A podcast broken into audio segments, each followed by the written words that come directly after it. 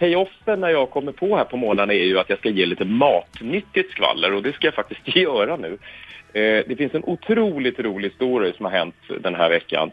Anna Bok, vår älskade, älskade Anna Bok. Jag följer henne på Instagram. Hon lägger ju bara upp bilder på mat. Ja, missade du den här fantastiskt roliga grejen som man kan ha missat om man inte liksom in och tittar varje timme?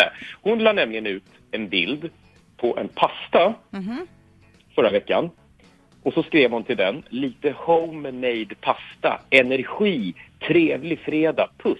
Ja. Sådär som hon skriver, och så 10 miljoner emojis och sådär. Och på en annan del av bilden ser man Vad sa du? nej, det är nej, nej, nej, nej, nej, det är, nej. Inget, det är ingenting sånt. Det är Nej. ingen Lars Ohly eller sådär. eh, och folk började fråga efter recept och sådär och hon skrev någonting luddigt om klassisk pastadeg fylld med ricotta och spenat. Eh, skrev hon. Eh, och folk gillar ju som fan. Tills någon i kommentarsfältet skriver Men det där är ju go.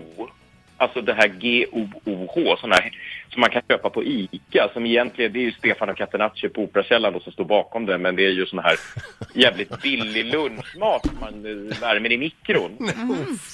Och någon annan säger också det, eh, att ja, det där är ju go.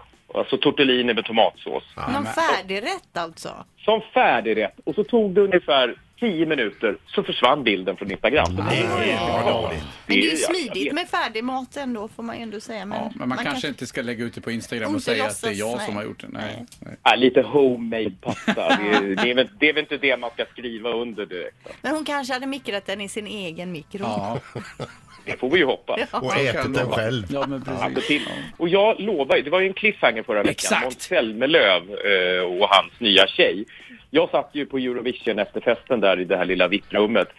Alltså han, och det har jag dessutom fått bekräftat efteråt, han dejtar sitt ex Asra som han har hunden Messi med och som han var ihop med i ett par år.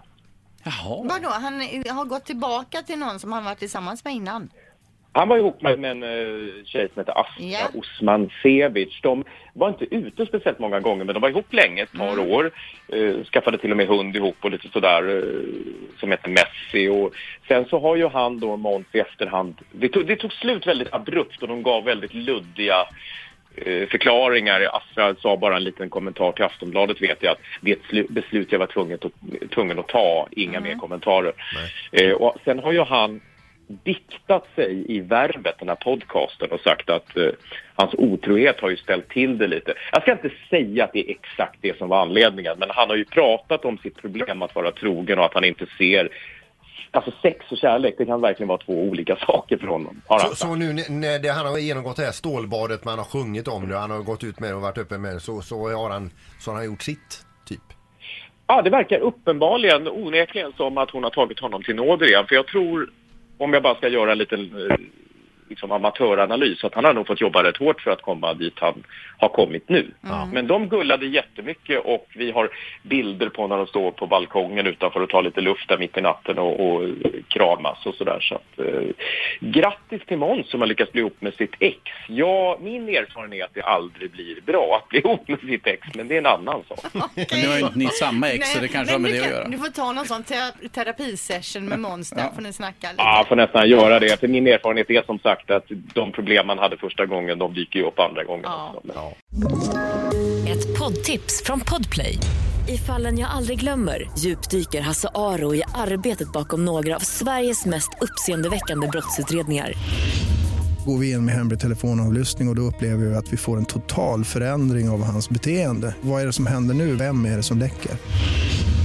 Och så säger han att jag är kriminell, jag har varit kriminell i hela mitt liv men att mörda ett barn, där går min gräns. Nya säsongen av Fallen jag aldrig glömmer på Podplay.